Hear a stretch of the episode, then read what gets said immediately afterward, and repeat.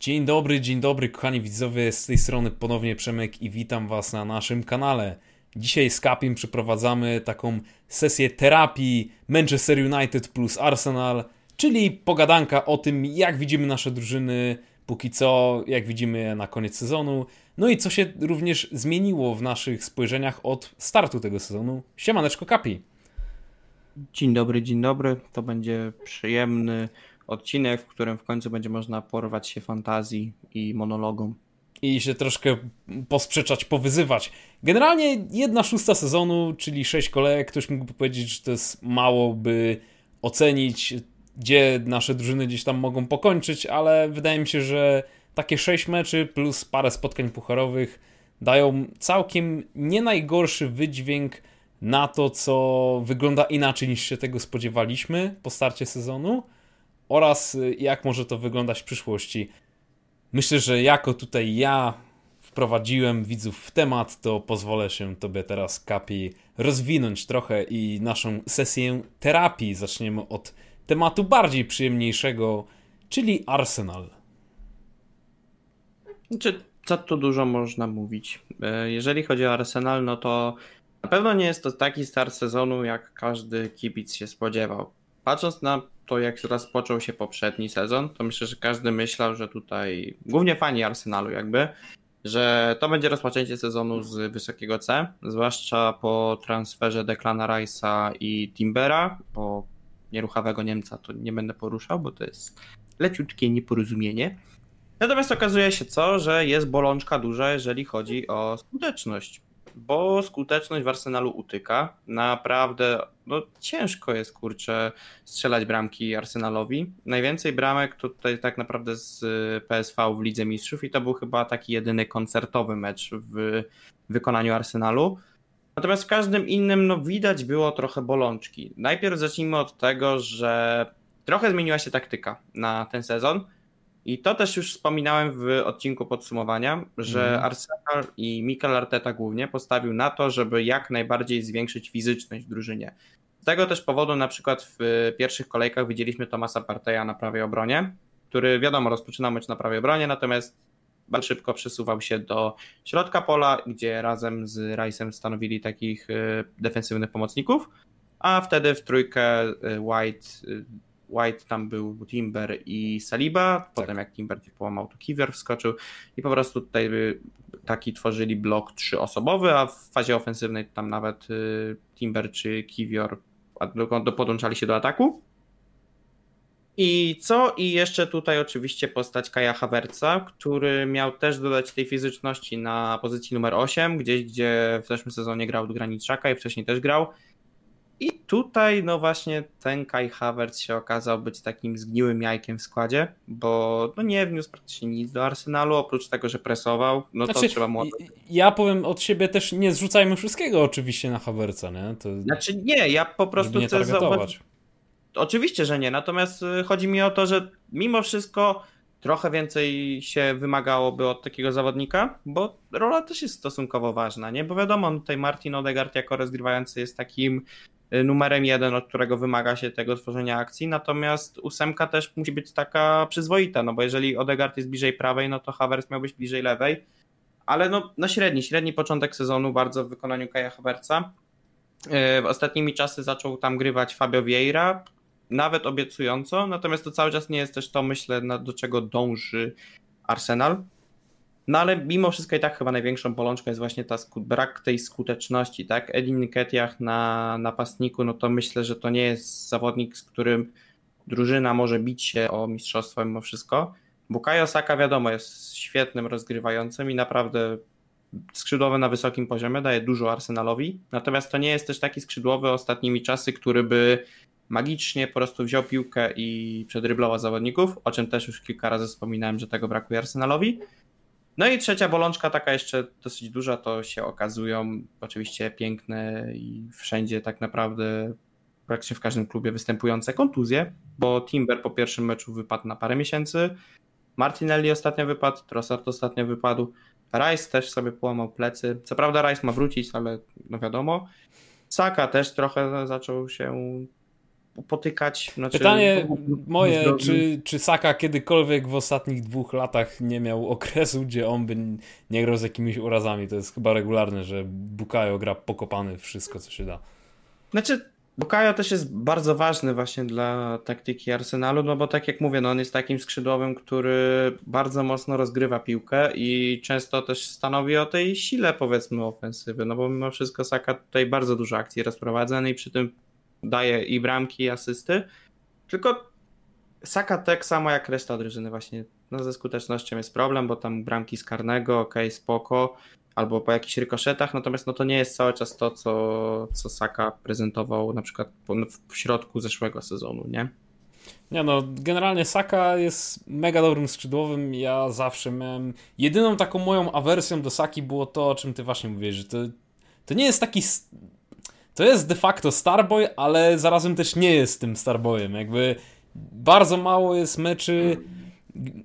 Ja to kiedyś chyba tak podsumowałem, że Saka to jest taki troszkę Mason Mount, lepszy Mason Mount wśród skrzydłowych, nie? Mhm. Czyli w wielu elementach 7, 8 na 10, ale mało jest takich meczy, żebyś powiedział, kurde, Saka, ale on zrobił hat-tricka, strzelił coś tam, nie? To jest bardzo dobry gracz, tylko wtedy jak on nie ma tej formy, to to troszkę przykro się na, na niego patrzy, bo jakby wydaje mi się, że wtedy wiele elementów, gdzie on słynie właśnie z tego, że ma wiele elementów na wysokim poziomie, a jak wiele elementów leży, to tak słabo wygląda ta jego gra. Chociaż i tak jest nieźle, no wydaje mi się, że to jest, to jest już gościu przeciążony przez taki okres czasu, że...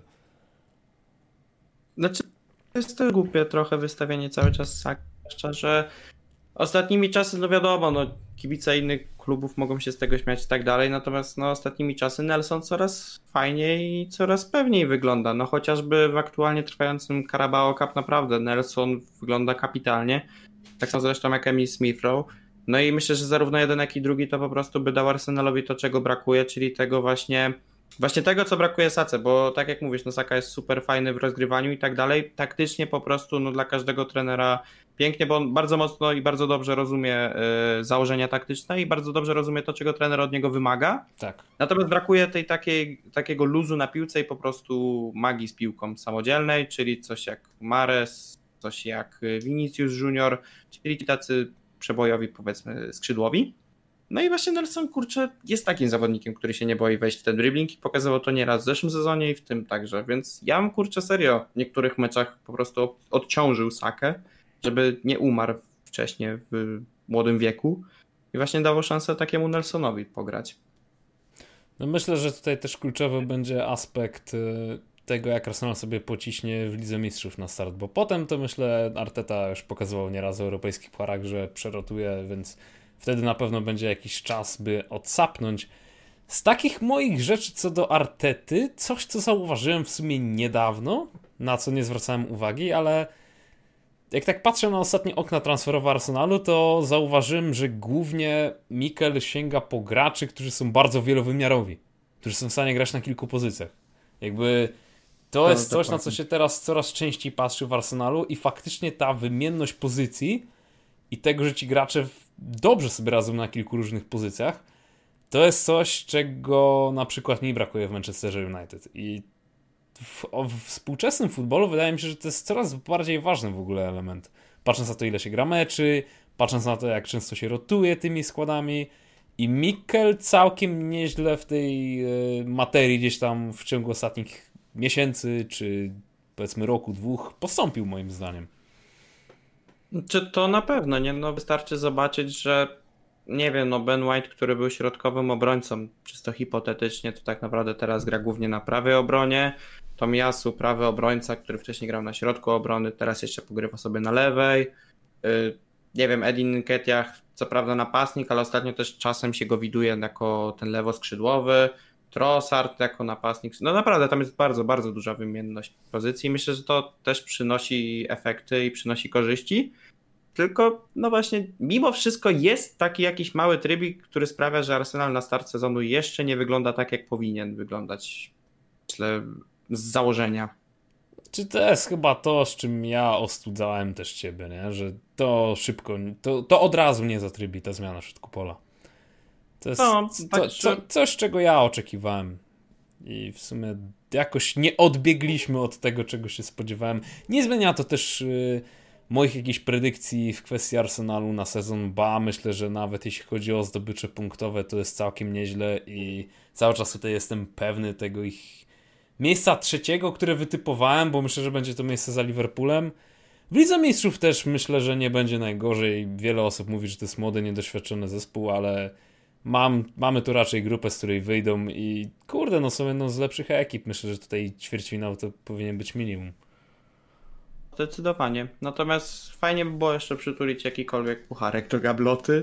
Nie wiem, czy Premier League, bo to będzie ciężko. Karabao na... wam nie oddamy. Ale Karabao bym sobie nawet wygrał, ci powiem. Karabao dawno Arsenal nie wygrał. Oj, bardzo, bardzo dawno nie wygrał. No i FA Cup w sumie też można przytulić zawsze. Także, także chociaż coś do tej gabloty, żeby dodać. No to są, te FA Cup to jest, to jest pucharek Arsenalu. Pytanie, tak. czy Carabao Cup jako trofeum pocieszenia stanie się pucharkiem Manchesteru United, bo nie wiem, czy chcemy coś jeszcze dodawać do Arsenalu. A możesz w sumie powiedzieć, czy jakoś tutaj widzisz zmianę w kwestii predykcji swoich? Bo wiem, że ona Wiesz, była dość wygórowana. Było, była dość wygórowana, ale nie, mi się wydaje, że to jest jeszcze trochę za wcześnie. No, nie widzę po prostu tego, żeby City, mimo wszystko, bo to, no wiadomo, no oni są potworami, są niszczycielami i tak dalej, ale nie widzę mimo wszystko tego, że City będzie cały czas tak punktować jak na początku sezonu. Pamiętając też to, że no mimo wszystko Manchester City miał całkiem przyjemny ten kalendarz i do tej pory z takich mocniejszych ekip oni się zmierzyli z Newcastle chyba tylko. Tak, więc teraz przychodzi mecz z Arsenalem w nie tej najbliższej kolejce, tylko jeszcze następnej i myślę, że to też dużo odpowiedzi da, nie? W jakim miejscu jest Arsenal i czy no, te emocje, które były przed sezonem wśród kibiców, powinny być podtrzymane, czy, czy należałoby trochę zejść i powiedzmy przewartościować oczekiwania co do sezonu. Czy ty dalej stawiasz tego mistrza? Wiesz co? No, mówię, no, dla mnie jest jeszcze za mała próbka na to, żeby powiedzieć, że nie, więc no, trzeba wierzyć, nie? Jak to Ted Lasso mówił Belief i, i tyle. Może, oj, oj, widzowie, wiedzcie, że jak będzie koniec sezonu, to odświeżę sobie tego tape'a i pokorzystam trochę z niego. No cóż, no. Za to póki co i Kapi i Mati mają szansę korzystać z wielu moich tape'ów co do Manchester United, bo start sezonu tutaj o wiele gorszy. Także odpalimy teraz sesję terapijną Manchester United. Co ja tu mogę powiedzieć? Dobrze, że nadchodzi dobry terminarz, bo jest to chyba, no już nadszedł, ale on się wydłuża teraz. Jest to chyba najlepsze, co mogło czekać drużyny Erika Tenhaga, zwłaszcza, że wraca teraz wielu piłkarzy po kontuzjach. Widzieliśmy Masona Mounta, Amrabata, widzieliśmy też Varana w Carabao Cup, widzieliśmy Marciala, który kurczę, od początku sezonu chyba żadnej kontuzji jeszcze nie miał. To jest dziwne. I Czy sumie, to jest możliwe? W sumie Marcel w takiej roli zmiennika Sahojlunda, gościa, który nie musi grać meczu na mecz, on się robi jednym z najlepszych backupów, jeśli chodzi o napastników w lidze. I to nie jest moim zdaniem odważne stwierdzenie. Nie wiem, czy nawet nie jest najlepszym backupem w takiej sytuacji. No bo jeśli Alvarez jest regularem na ja patrzę teraz na Alvareza jako na regularnego gracza, nie? No bo jeśli on jest ławkowiczem, okej, okay, to jest najlepszym backupem w lidze, ale znasz lepszych backupów na napadzie? Jako napastnik typowo? Wymienialność Izaka i Wilsona. No okej. Okay. Okej, okay, to, e... jest, to, jest, to jest mocny argument. To jest faktycznie mocny argument. Nawet nie wiem, kurczę, nie wiem, czy tutaj Brighton też by nie można było pociągnąć, bo tu Ivan Ferguson i Welbeck wcale nie są w tej formacji Dezerbiego, a jeszcze Joao Pedro jakby to w tej formacji wcale nie są źli. Znaczy ja rozumiem oczywiście tutaj zachwyty nad Martianem i tak dalej. Nie, nie, to nie są zachwyty. To, znaczy, nie, wiesz, zachwyty się skończyły że... w 2020 roku. Tak, natomiast kurczę, powiem szczerze, że ja mam z Martialem taki problem, że dla mnie on się mocno, mocno zepsuł po kontuzjach no, I problem jest taki, że okej, okay, jako backup napastnik może być spoko, ale jeżeli twój backup napastnik ma potencjał na to, żeby zastąpić yy, grającego powiedzmy Hojlunda i w ciągu, nie wiem, Hojlund wypada na miesiąc, pierwszy mecz Martiala i łapie kontuzję, a co byłoby prawdopodobne, no to to jest ryzyko, nie? I nie wiem, czy Martial jest jakiś taki aż wow. Zwłaszcza, że też trochę też chyba taktyka e, Erika się zmienia. Tak. I nie wiem, czy Martial do tej taktyki w 100% by pasował. Właśnie chciałem tutaj to dołożyć, że przez to, iż on nie ma takiego ciśnienia, by grać tyle minut, to może w końcu będzie w stanie też, że tak powiem, yy, jakby to powiedzieć, zyskać drugie życie. Bo w tym meczu z Palace ja byłem zdziwiony, jak ja patrzę, kurde, Martial presuje tu jednego obrońcę, tu drugiego, to jest ja nie, nigdy nie lubiłem tej tendencji co do Marsjala, że to jest leń, bo ma y, swoje humorki, bo się nie uśmiecha i to jest ma w ogóle... twarz taką no, bo, to, jest, to jest smród angielskiej prasy tak naprawdę. W sensie okej, okay, gościu może nie jest zadowolony, ale nigdy nie wydaje mi się, że nie można było powiedzieć o Marsalu, że jest graczem nieprofesjonalnym, a jest wiele lat w Manchester United. No, no i niejednokrotnie też wytrzymywał takie ciśnienie, gdy w Manchesterze trochę został, był spychany na dalszy plan, no, chociażby jak Mourinho nie? i Sanchez. Nie? Mourinho i Sanchez, to jest no. idealny przykład. I tutaj może przez to, że nie będzie miał tyle minut, będzie mógł jakby troszkę być w cieniu, może to lepiej wpłynie, bo chyba tak widziałem te, te starsze nagrania jakoś niedawno i chyba jednym z największych tutaj e, przestępstw Ole Gunnara Solskiera jest to, że regularnie grał Marsjalem kontuzjowanym. Dla mnie zdeklasował tego gościa. Oj, Ole, coś, coś ty zrobił. I teraz może już odchodząc od tego Marsjala, bo nie da się, gdy ja jestem przy mikrofonie, nie pogadać troszkę o Marsjalu, to się chyba nigdy nie zmieni. Ogólnie cały Manchester United to jest dalej duży mixback, to jest to jest drużyna, która zdecydowanie odbiega od futbolu, jakiego się spodziewałem, że będą grali rok temu, gdy przychodził ten Hag. Jakby on swoją filozofię już całkowicie zrzucił na boczny tor. Chce grać e, futbol taki transition, taki klopowy trochę bym powiedział, starszy klopowy.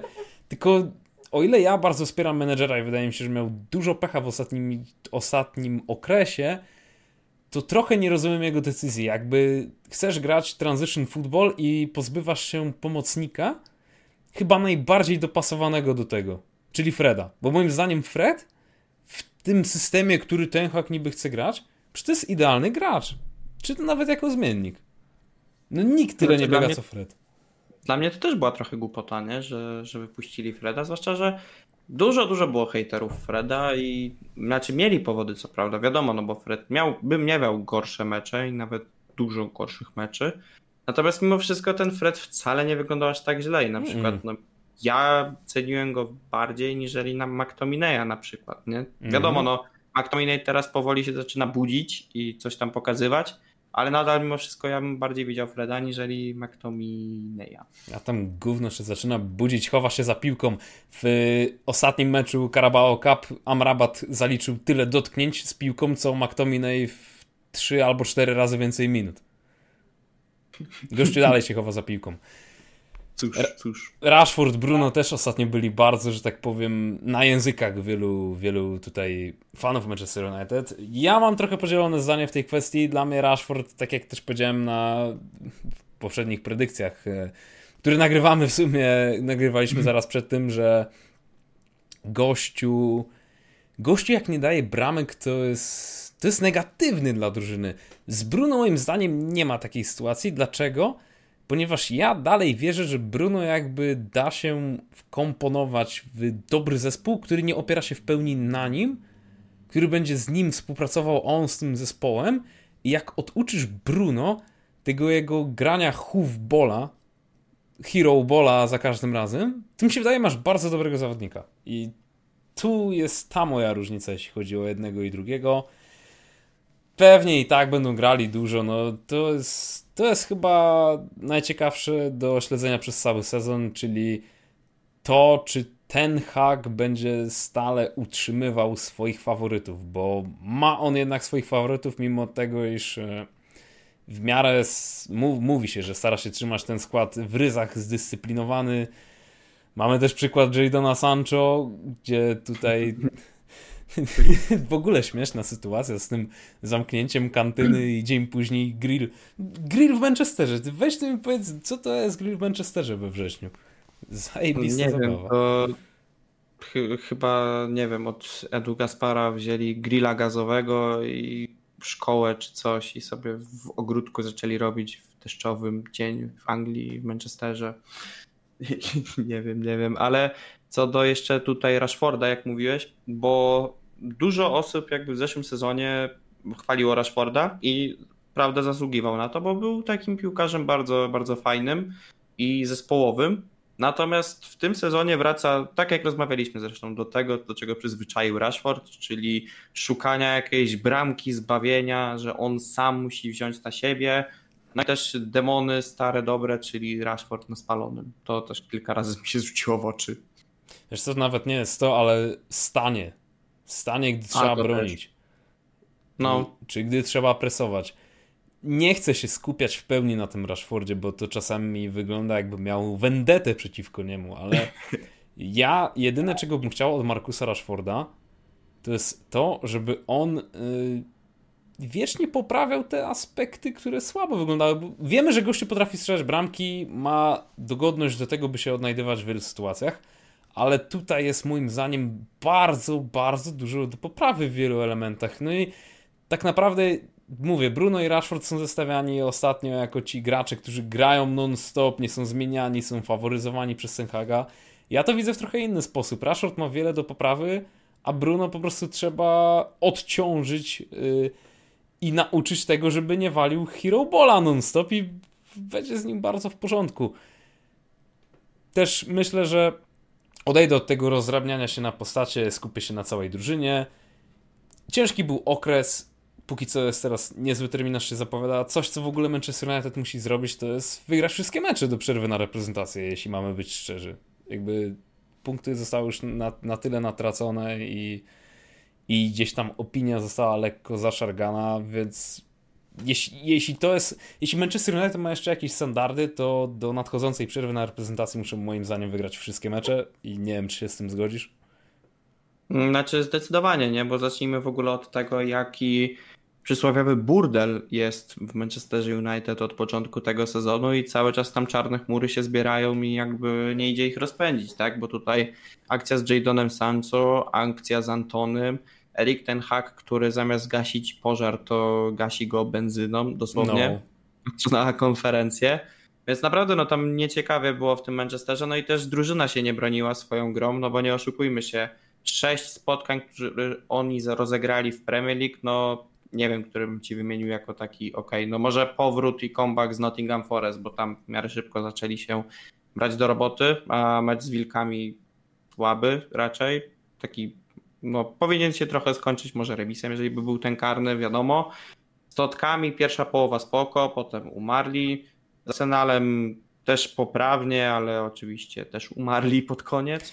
Generalnie to wydaje mi się, że jakby wziął te wszystkie mecze, to najbardziej realizowany plan taktyczny był w tym meczu z Arsenalem właśnie przegranym. No Tam mogę tak, no, powiedzieć, no. to jest jedyny mecz Manchester United, gdzie mogę powiedzieć, że był plan pewien założony i widziałem jego realizację w sposób dobry przez minimum 60 minut meczu. W no, innych meczach no, ale... tak nie mogę powiedzieć. Nawet w tym meczu, ten mecz z Berli to jest w ogóle, to był taki haram futbol, że... No jeżeli stary, dobry John Evans w 2023 wieku jest jednym z najlepszych zawodników Manchester United w Premier League, to jest ciekawie. Wiedz, że jest ciekawie. Wiedzcie, że jest bardzo ciekawe. Nie, no, no. Czas, czas pokazać, czas też w ogóle, żeby trochę to ewoluował. Jakby gracze wracają, wymówki się troszkę zaczynają kończyć czas pozdobywasz punkty, czas by styl się poprawił. Ja też, ja też przede wszystkim chcę zobaczyć, bo te, już też powiedziałem o pewnych niespójnościach moim zdaniem, jeśli chodzi o ten Haga w ciągu ostatnich tygodni. Pomimo tego, iż bardzo nadal wspieram menedżera, ja chcę zobaczyć tak naprawdę, co on chciał pokazać, co on chce pokazać przez te transfery chociażby Mounta, czy no Amrabat, ja, się, ja z tym byłem zgodny, chociaż wydaje mi się, że fanbase w ogóle nie zdaje sobie sprawy jakim typem gracza jest sam Rabat, jak, jak w większości słuchałem opinii o nim, ale chcę zobaczyć chcę zobaczyć, co on jakby chciał zdziałać tymi swoimi transferami, bo ostatnio narzekał, że o ja w, przez prawie cały czas nie miałem szansy ani, ani jeden raz wystawić najlepsze jedenastki od momentu, gdy zacząłem tu pracować. Spoko. Tylko wiedz, że jak będziesz miał ją, szansę ją wystawić, a nawet nie całej nas, tylko 9-10 graczy, my będziemy wszyscy na to surowo patrzeć. A takim punktem zamykającym tą dyskusję jest, mi się wydaje, to, że widziałem sobie taką ankietę na Twitterze, gdzie tam bodajże 10 tysięcy osób wzięło udział i było zapytanie, czy, czy Erik Ten Hag zasłużył na nowy kontrakt w United. No zdecydowanie nie, a 80% głosów było na tak, jakby to, to, to dla mnie pokazuje, że fani Manchester United zasługują na to wszystko, co ich spotyka od lat, bo jakby standardy upadły, nie, w ogóle te realia nie wiem, no Kapi, weź mnie tu wspomóż, bo ja nie mogę takich rzeczy widywać. No już y, ciśnienie ci się podniosło, widzę. Nie, no jeżeli chodzi o w ogóle Erika Tenhaga, to zacznijmy od tego, że jest on bardzo, bardzo ciężką osobą, jeżeli chodzi o odbiór przez dziennikarzy, przez kibiców i ogólnie przez innych y, ludzi, niżeli kibice Manchester United. Bo on podobnie jak w Ajaxie będzie bronił w Manchesterze każdego, znaczy może nie, że bronił każdego zawodnika, natomiast no będzie wypierał pod każdym możliwym, na każdy możliwy sposób to, że on nie popełnił błędu i że nikt go nie rozumie i on wie lepiej. I ja, okej, okay, no ma taki styl yy, udzielania wywiadów, ma taki styl bycia, natomiast tak jak mówię, no to, to nie jest dobrze odbierane przez kibiców innych drużyn na pewno. No i właśnie to też, że czasem potrafi wystawić trochę zawodnika na piedestał i powiedzieć, że no ten jest taki, ten jest taki, a ten to w ogóle ochy, achy, okropny. Natomiast no, problem też jest taki, że tutaj taktyka mi się wydaje jest, nie wiem jaka jest. W sensie Erik ten hak jest rok już w Manchesterze United i nie mam pewności, co Manchester United chce grać. Okej, okay, ja rozumiem, może nie miał pełnej jedenastki zdrowej, ale twoja kadra nie składa się z 11 zawodników, tylko składa się tam powiedzmy z 23, 22 tam. Tak plus minus, nie? Mhm. Więc jakby tych zawodników masz, tych, z tymi zawodnikami pracujesz, tych zawodników musisz dostosowywać do standardów i do swojej wizji. A jeżeli tego nie robisz i sprowadzasz powiedzmy zawodników pod siebie i tak dalej, a Erik Ten Hag, no nie oszukujmy się, trochę ich już prowadził, tak. mimo wszystko. Tak, tak, tak. No to musi to jakieś przynosić efekty, a tak jak mówię, ja nie wiem jaka jest taktyka United, nie wiem jakby co oni chcą grać i, i tak dalej.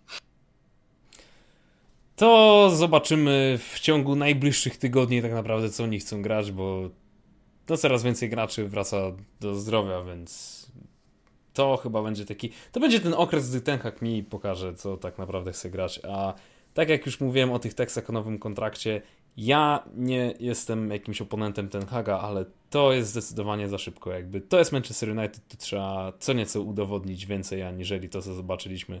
Bo jakby tak naprawdę miał się cofnąć trochę do tego poprzedniego sezonu, który udawany był za bardzo dobry i rozłożyć go na czynniki pierwsze, nie był wcale aż tak dobry.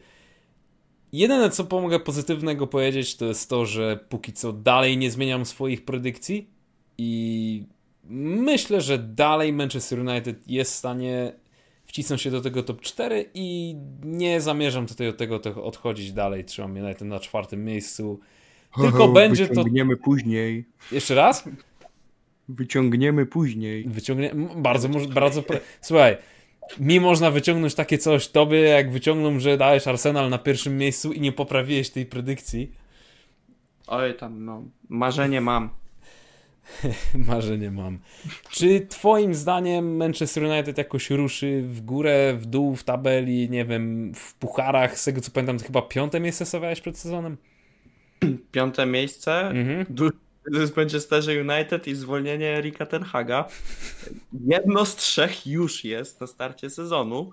Więc, więc nie, no nie, na razie nie zmienię, bo mówię, to United aktualnie wygląda bardzo chimerycznie nie przekonują mnie wszystko, a na przykład takie, czy to Brighton, czy to Tottenham, mimo wszystko no, wygląda lepiej. I to jest aż szok, że Tottenham jakby realnie można myśleć powoli na top 4 dla nich, więc no ciężko, ciężko dla United. I mimo wszystko na razie pozostaje na tym piątym miejscu. Zobaczymy jak ze zwolnieniem Ten Haga, bo jeżeli chcą przedłużyć kontrakt, no to może, może nie mają takich planów. Wydaje mi się, że pod obecnym reżimem by musiało się dużo zmienić. To jest tylko kwestia tego, jeśli zmieniłby się właściciel. Tu nieważne jaki ten hak może mieć sezon, przyjdzie nowy właściciel i będzie chciał swojego gościa. Już to widzieliśmy A, w piłce nożnej. Już to widzieliśmy w piłce nożnej. Myślę, że jest to dobry moment, by zakończyć tą sesję terapii tutaj wspólną. Troszkę pogadaliśmy o Manchester United oraz o Arsenalu. Dawajcie również znać w komentarzach, co wy sądzicie o startach obu zespołów oraz jak dalsz, dalej ich losy będą wyglądały w tym sezonie. Czy jesteście zgodni w miarę z naszymi spojrzeniami na sprawy obu zespołów? Dzięki Tobie, Kapi, za udział. Myślę, że więcej takich sesji terapijnych trzeba przeprowadzać. Ja zdecydowanie aż lepiej na serduszku normalnie. Dzięki również widzom za obejrzenie tego odcinka do końca. Jeśli tutaj dalej jesteście, no to zachęcam Was do subskrypcji kanału. Przede wszystkim lajka tego filmiku, bo wydaje mi się, że tutaj napociliśmy się trochę naszymi myślami. Również możecie kliknąć dzwoneczek, jeśli chcecie na bieżąco otrzymywać powiadomienia za każdym razem, gdy jakiś nowy materiał ląduje na naszym kanale. Z naszej strony to będzie na tyle. Dziękujemy Wam jeszcze raz za odbiór i trzymamy się do następnego. Na razie. Ajo.